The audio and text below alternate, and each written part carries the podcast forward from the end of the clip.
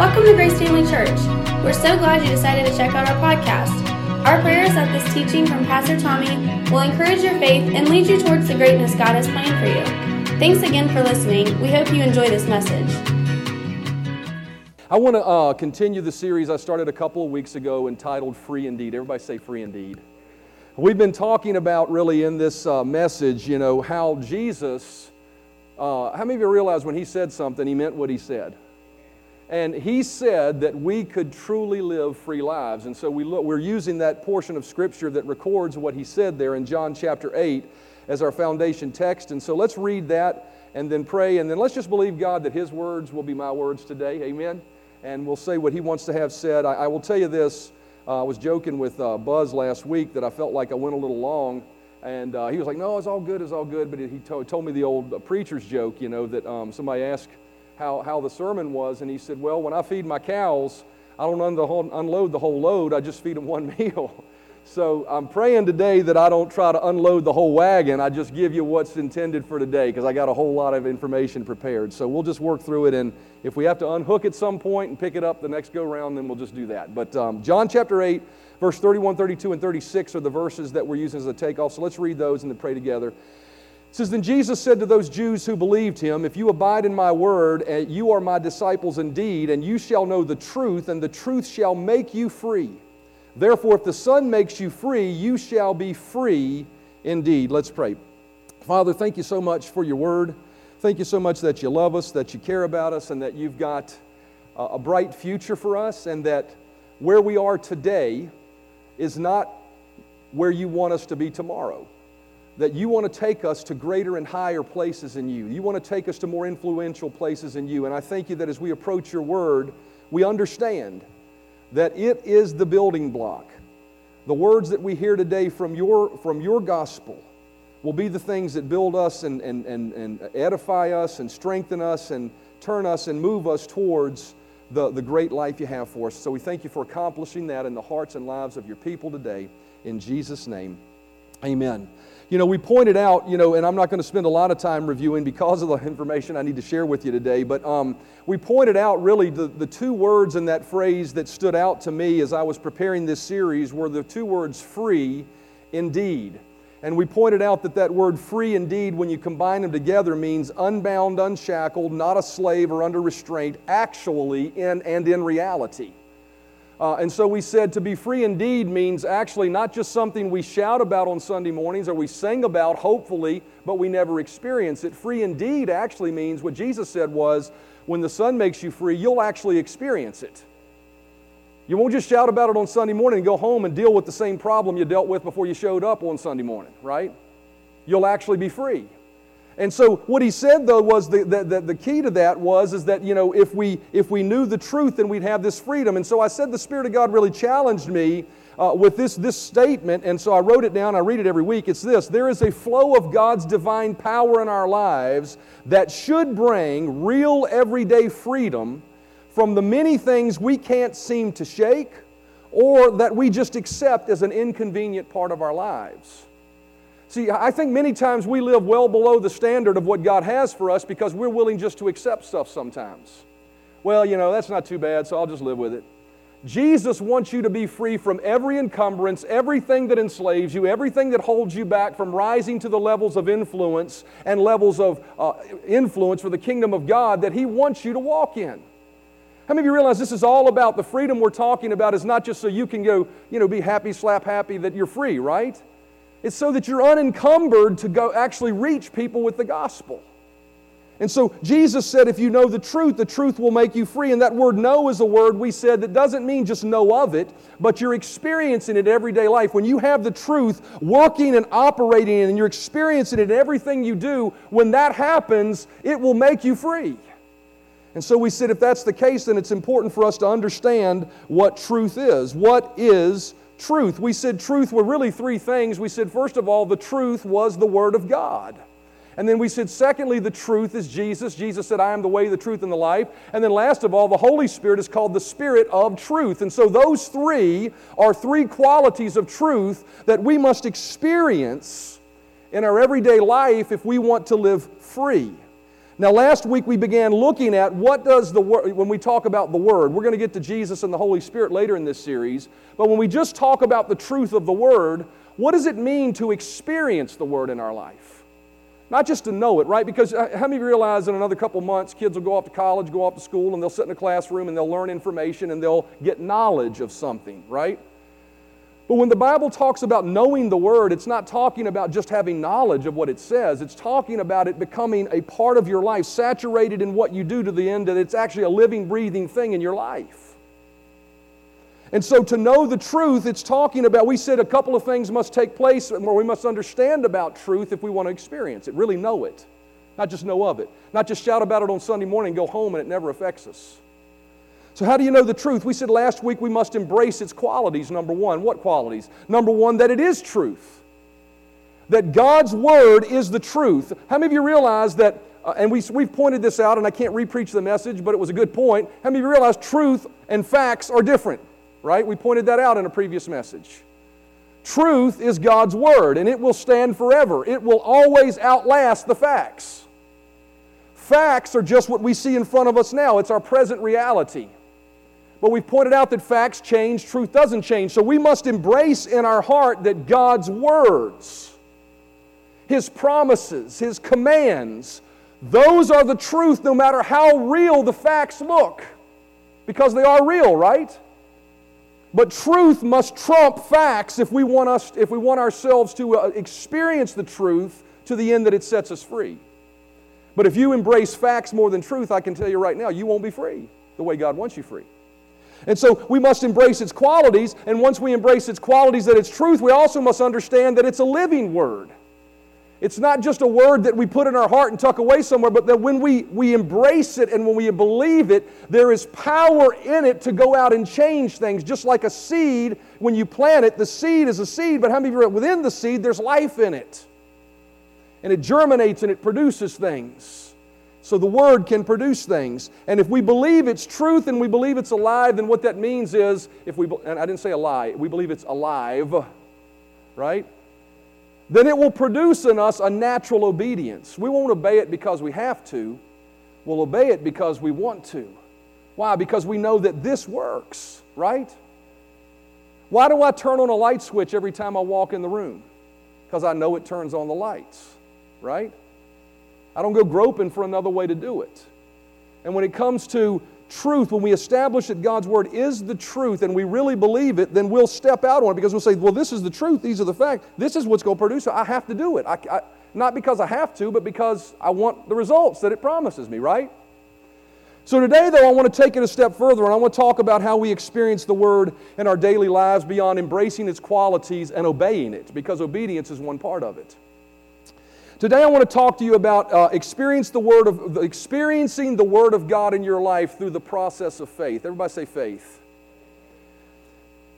For us to be able to walk in the freedom that Jesus promised us, you cannot walk in it without faith. It's impossible. Matter of fact, the Bible says it's without faith it's impossible to please God. In James it says without faith you can't expect to receive anything from God. Faith is required to walk in the blessings of God. 1 John chapter 5 and verse 4 says, "For whatsoever is born of God overcomes the world, and this is the victory that overcomes the world, our faith." So I want you to notice something really important about this verse it is not the fact that you're a Christian that you overcome the world. It is not the fact that you're a child of God that you overcome the world. How many of you realize when you accept Jesus as your Lord and Savior, you become a child of God, right? You become a new creation. Old things pass away, behold, all things become new. But just because you're sitting here today and you have blessed assurance that you're a child of God, that doesn't that does not uh, uh, uh, promise you. That does not. I wouldn't even say promise because that is a promise from being a child of God. But that doesn't guarantee you that you will walk in the freedom that Jesus promised. How do I know that? Because there are believers all over the world today that are children of God, that love God with all their heart, but they're suffering under curses that the Bible says that Jesus came to set them free from. That's why you get questions of why do bad things happen to good people. Well, let me tell you why. Number one, there's one reason here because of faith or lack of it. Faith is how we walk in the blessings of God. Being born again is not enough. You have to mix your born again experience with the operation of faith. So we find true freedom of Jesus when we use the process of faith. And the process of faith is saturated with the proper application of God's Word, truth. So when we apply truth, we're experiencing truth, we're knowing truth, that truth will set us free. Wrote this down, capitalized it, and underlined it, so it must be important. If the process of faith is not a consistent experience in your everyday life, I want you to listen to this. This is important. I don't believe these are just my words, I really believe these are Holy Spirit words. If the process of faith is not a consistent experience in your everyday life, you will not experience freedom beyond the freedom that you can obtain by human endeavor. See, you can get yourself free from some things by your own human strength. Now, now, granted, that human strength is even granted by God to a certain extent, right? But God gives us grace and mercy to go out and use that strength to do things that don't even aren't even a part of His will at times, right? Because He gives us a choice. And if you don't if you don't use the process of faith in your life, the only freedom you will experience is what you can obtain by your natural hand. Right? But there is a freedom we talked about right at the very outset of this series. We said, You shall know the truth, and the truth will make you free. It's a, we're talking about uh, the power of God working in your life beyond what you can do with your natural ability. Where miracles and things happen that aren't just coincidence, right? Right? Coincidence. But things show up in your life that cause you to go, wow, that could not have happened outside of something supernatural, God doing something, right? And so, if the process of faith is not employed, you will only experience freedom that your own strength can give you. And unfortunately, that's where many Christians live. That's where many uh, churches live, right? I mean, building programs and they work hard and sell oranges and do car washes and they raise money, and that's all good. There's nothing wrong with that. That's a great thing. But there is a level of living I believe that God has called us to, and I am uncompromised in it. And it's this uncompromised belief in me that says that, that, that, the truth has the ability to do more than my bake sale can do to raise money for the kingdom of God. Amen.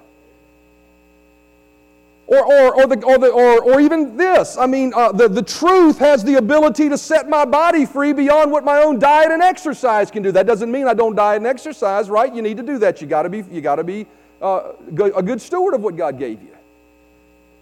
But beyond that, there's an extra level that truth can bring to your life, and it can supernaturally cause you to live on a higher plane.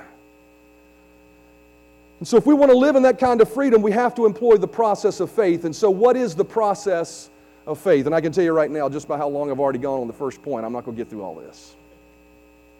I'm going to get through, you know, I've always tried to operate by the law of head and tails. The head can endure only as much as the tail can. So, when I notice you start wiggling, we'll, we'll unhook and we'll just pick up again. What is the process of faith? Now, I got to tell you, this is a little bit this is not uh, this this will make you shout. But this is some teaching that we need to digest. And some of this you may have already heard, but I think some of this we need to be reminded of. And the reason I think we need to be reminded of it is because the message of faith uh, specifically in the camp that I've been, is, you know, it, it evolved in about the 80s, the, the 90s, you know, just a, a, strong message of how to believe God and how to see yourself get free from things. And I, I think that there have been uh, p- parts of the body of Christ that have grabbed a hold to it and mixed it with, you know, other stuff, and all of a sudden it gets watered down, and, and we start believing that God wants to do this, but sometimes He doesn't want to do this, and sometimes a mysterious will of God we just don't understand. But listen to me, there is a process of faith that we can have confidence in and we can operate in, and if we operate in it, we can live free in our our lives free. Free. What is it in your life right now that you lug around like a ball and chain that you wish you could get rid of, but you just accepted it? I'm telling you right now, this process will set you free from it. It will. It absolutely will. Not because I say it, because the Word says it. So, what is the process of faith? Romans chapter 8. Now, you can go back and read the entire book, uh, chapter of Romans chapter 10. I'm going to read to you verses 8 through 10, 14, and 17. Because those aren't out of context, but those apply to what I'm talking about today. Romans chapter 10, verses 8 through 10 says, But what does it say? The word is near you in your mouth and in your heart. Everybody say in your mouth and in your heart. That is the word of faith which we preach. So Paul preached the word of faith. So if anybody has a problem with the word of faith, they got a problem with Paul. Right? That if you confess with your mouth the Lord Jesus, now this is talking about salvation, right? how you get born again. If you confess with your mouth the Lord Jesus and believe in your heart that God has raised him from the dead, you will be saved. Verse 9 For with the heart one believes unto righteousness, it gets you to the door, right? Unto. But what gets you through the door? And with the mouth, confession is made unto salvation. How then shall we call on him in whom they have not heard, whom they have not believed? And how shall they believe in him of whom they have not heard? And how shall they hear without a preacher? So then faith comes by hearing, and hearing by the word of God. In these verses, we see the process of faith in operation as it relates to our personal salvation, so that we become children of God and heaven's and assured is our home. But that process of faith is a process that will work for any promise of God. Not only your salvation, it'll work for your healing, it'll work for your finances, it'll work for your family, it'll work for your children, it'll work in your life if you learn to work it. And so, what is that process of faith? So, here's what I'm going to do I'm going to give you the punchline up front. I'm going to give you the four steps of faith up front. If you're writing them down, write them down. Then I'm going to go back and revisit them. The four steps of applying the Word of God through the process of faith. First of all, and we see it in these verses, you can look at it. Verse 17 says faith comes by hearing. First of all, you have to hear the Word regularly. You must hear God's Word, the truth, regularly. Number two, you must believe it in your heart in spite of the doubts in your mind. Everybody say, believe it with your heart. Number three, you must speak the Word. You must speak the Word. And number four, you must hold fast your confession and make your stand on the Word. So I'm going to hit those again. You must hear it regularly. You must believe it in your heart. You must speak the word, and you must hold fast your confession and make your stand on the word. Let's start talking about these. Number one, hearing it regularly. Verse 17 says, Faith comes from hearing, and hearing from the word of God. It is hearing the word of God consistently that will fuel the engine of your faith. Now, this is really important to recognize this. You must hear it consistently. If you are not hearing the Word of God consistently, you're trying to operate the machine of faith on an empty gas tank. You're operating on fumes. You say, but I know it. You know it up here, but faith comes from hearing and hearing the Word of God. It's consistently hearing it over and over again. You know, there's a reason the children of Israel were fed manna each day and just enough for that day. Number one, because God wanted them rely, learning to rely on Him daily instead of trusting in something they've stockpiled themselves. But that manna is a type of the Word of God, and it was a type and example for, given to us. The Bible says the things that happened in the Old Testament were given as examples to us, as types and shadows to us. God gave the Word of God to them on a daily basis because He wanted them coming before Him on a daily basis. If you're not looking, listen to me, I'm, how many of you want to be free? How many of you want to be free from some things? There are actually some things that you're like, well, I'm okay, I can deal with this, but it would sure be great to have that out of the way too. How many of you like to get rid of some of that? I'm telling you right now, if you don't apply this principle, you won't get free from it. No matter how much you beg God, you want it, no matter how much you desire it. See, Matthew chapter 4 and verse 3 4 says, Now the tempter came to Jesus and said to him, If you are the Son of God, command these stones to become bread. And Jesus made a very important, emphatic, eternal statement. And he actually just repeated what the word said in another place. He said, It is written, Man shall not live by bread alone, but by every word that proceeds out of the mouth of God. That word live means man shall not have life like God has it. That's the, that's the word zoe. It's a Greek word, it means the life of God. If we want to have life like God has it, you think God walks around bound, fettered, sick, worried about, struggling, down and out, depressed? Is God that way? He's not that way. The way we live like he lives is by, first of all, hearing the Word of God. And he, and he uses the, and, and the Word of God uses this picture of bread. Why? Because bread is sustenance, it's something that you need. We cannot experience the freedom that Jesus offered on a once a week snack of God's Word from a really good preacher. I'm talking about, you know, you, you, can't, you cannot live the life of faith by just hearing what I say to you on Sunday morning or what other, another preacher says to you on Sunday morning. You got to have your own diet of the Word of God.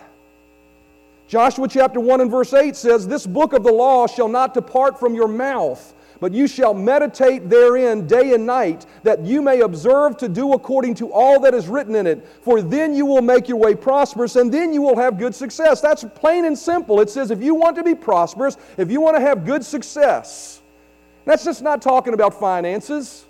That's talking about in every area of your life. If you want to prosper in your family, you want to prosper in your body, you want to prosper anywhere, and you want to have good success, what is the key? Looking at the Word of God, and notice what it says day and night. At least two meals a day. Are you digesting the word twice a day? I, I said this is going to be a bit of a teaching because I, I really, as, as a pastor, I, I thought about this. I saw your faces as I was preparing for this service. And some of y'all are in difficult places, some of y'all are in decent places, some of y'all are in comfortable places in life, but I saw that God wanted to take you to higher places.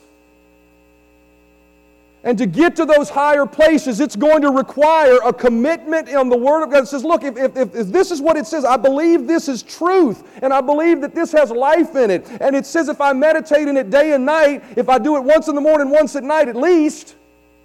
Now, I think that phrase actually means if you're, it's always in front of you, right? But I think sometimes we use the generality of that to be an excuse. Well, you know, I'm always thinking about it. He's not talking about always thinking about it. He's uh, talking about sitting down like you sit down at a meal. I ain't got time to do that. Then you ain't got time to prosper and be, have good success. That's fine, dumb dummy. Just go ahead and quit being prosperous and don't have good success. You say, Well, I'm doing okay. That's fine. Just do okay. But if you want it the way God says you can have it, the freedom and the free indeed he was talking about, you got to apply the word. You got to hear the word of God. So, not just blowing through it either to check a box, right? But sitting down and reading it say, I don't know where to start. Just start. You'll be amazed at how much the Holy Spirit will speak to you if you just give Him a chance. Amen. Say, I don't know where to start. Open the book of John and just see who Jesus is. Read it. Digest it. You say, and don't try to, you know, I got to get a chapter done today. Just digest enough that you're like, okay, I got, I got something out of that, right? But read it on a regular basis and allow it to foster faith on the inside of you. A steady diet of the Word of God is a requirement for freedom. Your faith engine will not work without a minimum of two times a day digesting the Word. Now, does that mean, does that mean we got to do it like a work? I got to do my two. No, I'm just saying that there ain't many days that go by you don't eat. But I would venture to say there's a lot of days that go by you don't open that Bible and read it. It's just good pastoral teaching. I love you guys. Don't get mad at me, but I, and I'm guilty of it as well. I would venture to say if you want good success and you want to prosper like Jesus and the Word of God says you can, then do what the Word says to do. Take a heavy diet of it. Amen? What's the next step? The next step, I think this will be the last one I'll be able to get to this morning. What time is it? Yep.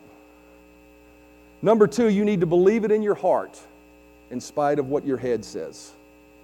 The number two process or number two step in the process of faith is you need to make a choice that you will believe it. Romans chapter 10 and verse 8, to, 8 through 10 says, But what does it say? The word is near you, in your mouth, and in your heart. Everybody say in your heart. Notice he didn't say in your head. There's a difference in your heart and your head. Your heart and your head. Did it backwards. How many of you realize you're a three part being? You are a spirit, you have a soul, and you live in a body, right? What do I mean by that?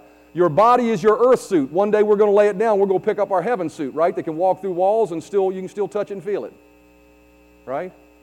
Your body's your suit you live in while you're here. Your earth suit quits working, then you exit the planet. And you either go to heaven or hell, right? Depending on whether you've accepted Jesus or not. Your soul is your mind. It's the part of yourself that is uh, uh, really it's the it's the it's the, the the connection between your heart and your physical senses. Your mind is, you know, your brain is a part of your physical body, but your mind, how many of you realize when you die, you carry your memories with you?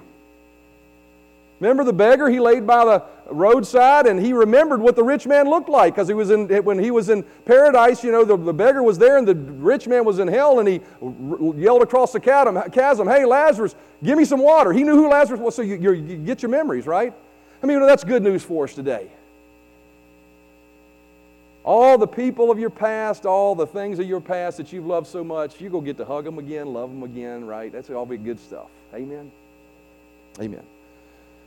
But it says that you should be, the, the word is near you in your mouth and in your heart. That is the word of faith which we preach. That if you confess with your mouth the Lord Jesus and believe in your heart that God has raised him from the dead, you will be saved. For with the heart one believes unto righteousness, with the mouth the confession is made unto salvation. So what that verse says is that one part of the equation is you got to believe with your heart. Getting the word from head knowledge to heartfelt conviction is a critical part in the process. That's why you must hear the word. That's why Bible says faith comes from hearing and hearing by the word of God, right? It's repetitious hearing of God's word. As you hear it over and over again, there comes a point where your head all of a sudden gets a revelation, or your, really your heart gets a revelation, and a light bulb goes off, and you go like, oh, I see it now, right? And when you see it now, that, that's when conviction comes on the inside of you. When that conviction comes, it doesn't mean that there aren't still doubts in your head that say, wait a minute, I don't know if that's true or not. But there's something on the inside of you that says, I see that that is truth and I'm convicted of it. And so, what is belief? Belief is really simply this it's very simple. Faith is something different than belief. Faith is belief and speaking and actions mixed together. That's all faith. But belief is different. Belief is a point where you come in your heart where you say, I am going to make a willful choice that I am going to side with truth instead of what I see. Believing is not the lack of doubts. See, some people think for me to get to a believing state, I got to get to this state of nirvana where I just can't doubt anything. I'll tell you, that that's a gift of faith, it's a gift of the Spirit, and it very rarely operates. It only operates as the Spirit wills. Whole other message whole other story. I'll let that one sit there and simmer for a while and you go check it out. But natural faith that we've been given, operational faith for the believer, it operates even as doubts stand in your mind and scream otherwise. How many of you know when David ran at Goliath, his head probably was screaming, That's a big old giant. But his heart was saying, He's too big to miss, right? See, faith believes what God says. I mean, belief actually is a conviction that says, I believe what God said about the situation, so I'm going to stand on the God side of this. Everybody say, just always wind up on the God side. See, faith comes as you hear the Word of God, it'll inspire you to make a choice. In spite of your doubts, that I believe truth. In spite of what you see, I believe truth in spite of my devastation at the moment, I believe God's word about the situation. Right? So, believing with the heart is simply a heartfelt choice. Listen to this, this is important. Is a heartfelt choice to believe what you cannot see. Ever say, believing and faith requires me to stand on what I cannot see. Hebrews chapter 11, verse 1 and 3 says this It says, Now faith is the substance of things hoped for and the evidence of things not seen. Now I'll stop right there for a moment.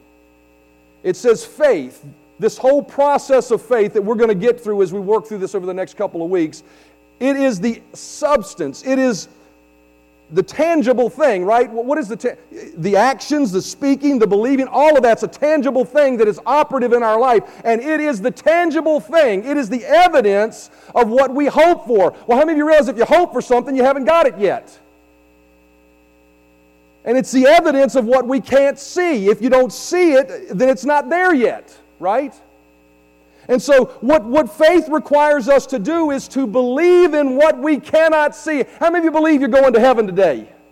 But how many of you have seen heaven? Probably none of us. If you died and went to heaven and came back, you got a great story to tell. But most of us haven't done, seen it yet, right? We believe we're going to heaven. Why? We have this great assurance in our heart. Why? Because we got a promise that says if we believe on Jesus, heaven's our home. Same thing is true about anything in our, in our life. He says, by Jesus' stripes, we were healed. If we can believe we're going to heaven that we haven't seen yet, why can't we believe that we're healed even though we may not feel it yet? Faith requires you to believe what you cannot see. Once you see it, it's no longer faith, it's knowing. I Tried to illustrate this last week with Bev, but he really screwed up the illustration, so no. I asked Bev if he believed he was sitting in that seat, and he said yes. I said, No, you don't. You know you're sitting in that seat because you can feel it, touch it, right? Believing you're sitting in a seat would be, I don't see the seat, but I believe I'm sitting in it, right? Because that's what this is. Faith believes what it doesn't see. And so, the, for the process of faith to start, we must make a choice to believe what we cannot see in spite of what we do see. Mark 11, 24 says, Therefore I say unto you, whatever things you ask when you pray, believe that you receive them and you will have them. Jesus said these words. He said, Whenever you ask for something, believe the moment you ask for it that you have it and you will have it. But you got to believe you have it before you have it if you want to have it. Right? You say, Well, how can I believe I have it when I don't see it? Because you don't see it. That's why you believe it. Because if you saw it, you wouldn't believe it, you'd know it. Right? So Jesus wasn't talking about some strange metaphysical comment. He was just saying, look, if you'll believe in your heart that it's yours before you see it, you will have it. That's part of the process. There's a whole lot more chalked into Mark 11, 23 and 24 we'll get to. But notice that believing comes before having, and so faith requires us to believe the Word of God above anything else first. Faith will produce what you can't see so that your faith becomes something that you know and it's no longer your faith. Right? And so, for us to be able to enter into the process of faith, we must, number one, hear the Word of God. Number two, we must believe the Word of God. How many of y'all can handle one more? Or would you rather unhook and go back? Because honestly, this is not like you're not a good Christian if you want to unhook. That's not what I'm saying. You may, have, you may want to digest this for a week. Or your heart may be saying, I got room for more, so I'm going to take a consensus. How many of you got room for more? Okay? If you don't have room for more, you free to go. I'm going to give you one more, and you can listen to it online because you, you won't miss it. It'll be out there. Third step to the process of faith is you must speak the word. Everybody say, speak the word. Romans chapter 8 and verse Romans chapter 10 and verse 8 through 10 says, But what does it say? I'm going to read it again. The word is near you in your mouth and in your heart. That is the word of faith which we preach. So notice it's not only in your heart, but it's in your mouth. That if you confess with your mouth, that's, that's a physical process. That means if you say something with your mouth, what? In, in regard to salvation, if you say, Jesus, I confess you as my Lord, then what does it say? And believe in your heart that God raised him from the dead, you will be saved. Right? You know, during praise and worship, I was going to blow by this, but it just reminded me of it. To do it again. During praise and worship, I was thinking about the songs we were singing, you know, and one of the things we said was that, you know, on that day, his, his lifeless body somehow, somehow, I don't know how to say it exactly, but breath was breathed in it, it came back to life. How many realize that really happened?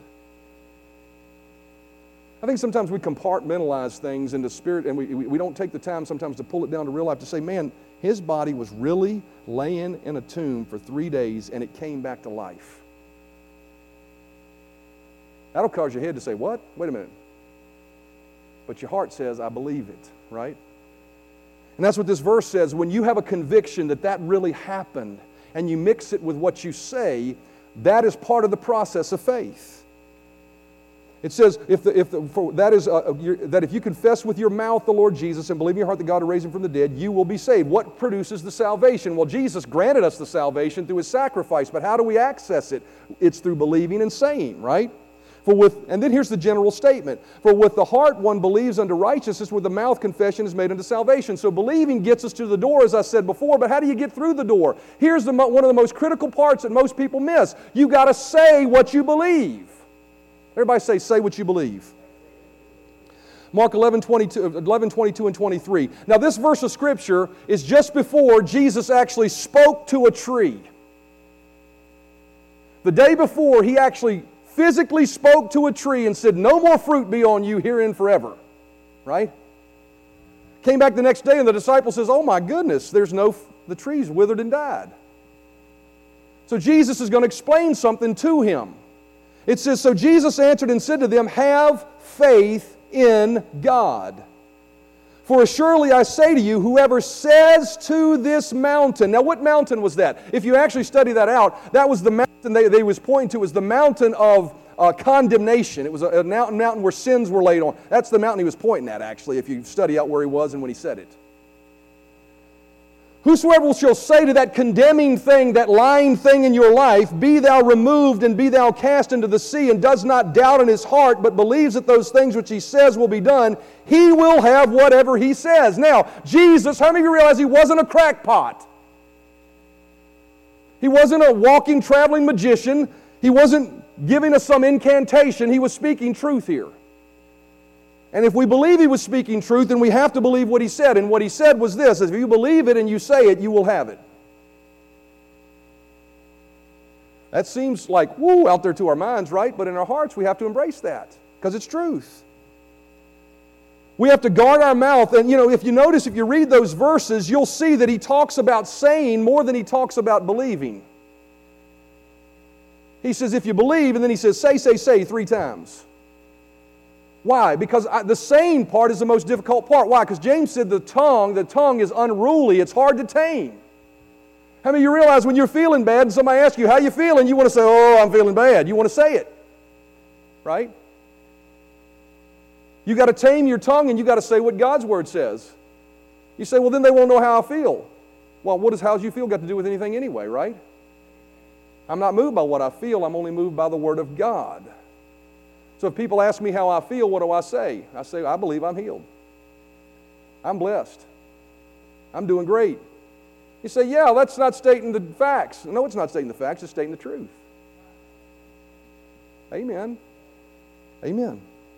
You say, well, how can I ever to let anybody know I need prayer? Well, then the Bible says, confess your weaknesses, your faults to one another. Go to somebody and say, you know, I'm really struggling right now, but I believe I'm healed. Can you agree with me? That's completely different than, oh, I'm so bad. You pray Jesus would set me free? How many of you realize Jesus is, uh, well, whole nother message, but how many realize He's already done all He's going to do to set you free? It's up to you now to apply the truth to your life and know the truth so the truth will make you free. And He'll back it up. If you do it, He'll back it up, but you, you got a part to play in the equation. So we have to guard our mouth from saying what's in our head versus what we believe in our hearts. We can't declare, I feel horrible, if the Bible says we're healed. You want to know why some people never get free from something? Because they confess it's theirs. My diabetes, my problem, my, my, my. Well, you just possessed it with your mouth. You may have it, it may be a symptom, and I'm very sympathetic to the fact that you have a symptom, but I'm trying to give you truth so you can get free from the symptom.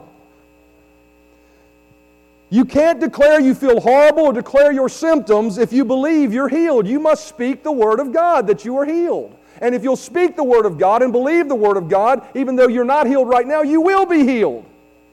Or either Jesus lied to us, but I know from living proof that it works. I got experience that it works. We can't declare that we have lack if we believe we are blessed. We can't declare we're losing if we, declare, if we believe we're winners, according to the Word of God. We must be people that speak the word instead of our circumstances. Now, there are three aspects of speaking the word of God. Number one, you must bless what God blesses, you must curse what God curses, and you must give God, God thanks for what He's already said is yours. Ever say, bless what God blesses, curse what He curses, and give God thanks for what is already yours. And that's where I'm in my message today.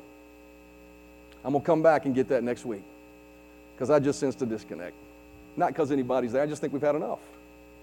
So I'm going to come back the next time I'm back with you guys, and I'm going to pick up on this three aspects of speaking the Word of God in your life, and it's so critical that you understand all three aspects of this. But where we're going to stop today is simply this for us to operate in faith, for us to have an experience with the Word of God, part of that experience is be- believing it to the point that it affects my actions. To the, fact, uh, to the point that I am convicted that this is truth in spite of what I see. I know what I see. It's screaming at me, but I believe the truth. And making a choice to say, I'm going to step out and say what it says instead of saying what my circumstance is. I want to give you a homework assignment this week tame your tongue. Tame your tongue. Don't let those greasy little words of your symptoms and your circumstances ooze out of your mouth. Every time a circumstance that is contrary to the Word of God tries to, go ahead, musicians, you can go ahead and come. Uh, every time a greasy little word tries to just slip out of your mouth about your circumstances, think of what a promise of God is that you say you believe and speak that instead. Amen. Amen. Why? Because Jesus told the truth, and He said, if you'll believe it in your heart and speak it with your mouth, you'll have what you say. The problem is people say, oh, that don't work because they don't do it consistently. They more consistently talk doubt and unbelief, acknowledge their facts instead of the truth, and they live below the level Jesus wanted them to live. But Jesus said, very plainly put, in our opening text, this is what he said. He said in John chapter 8, verse 32 and 36, last scripture, McKinley. He says, And you shall know through personal experience. That personal experience is my own words because that's what that word know means. It's gnosis or gnosis or however you want to pronounce it. And you shall know through personal experience the truth, and the truth will make you free. Therefore, if the Son makes you free, you shall be free indeed. What does that mean? That means that we shall know the Word of God. We shall experience, we shall experientially know it in our lives by believing it and speaking it. That's just where we're going to start today. Amen? Make a choice. I believe, therefore I speak. Amen? Thanks for listening to our Grace Family Church podcast. We really hope you enjoyed this message. If this ministry has blessed you in any way, we would love for you to get connected. Just go to gfcva.info to learn more about who we are, how to give to this ministry, or how you can get involved. Thanks again for listening, and we hope to see you soon.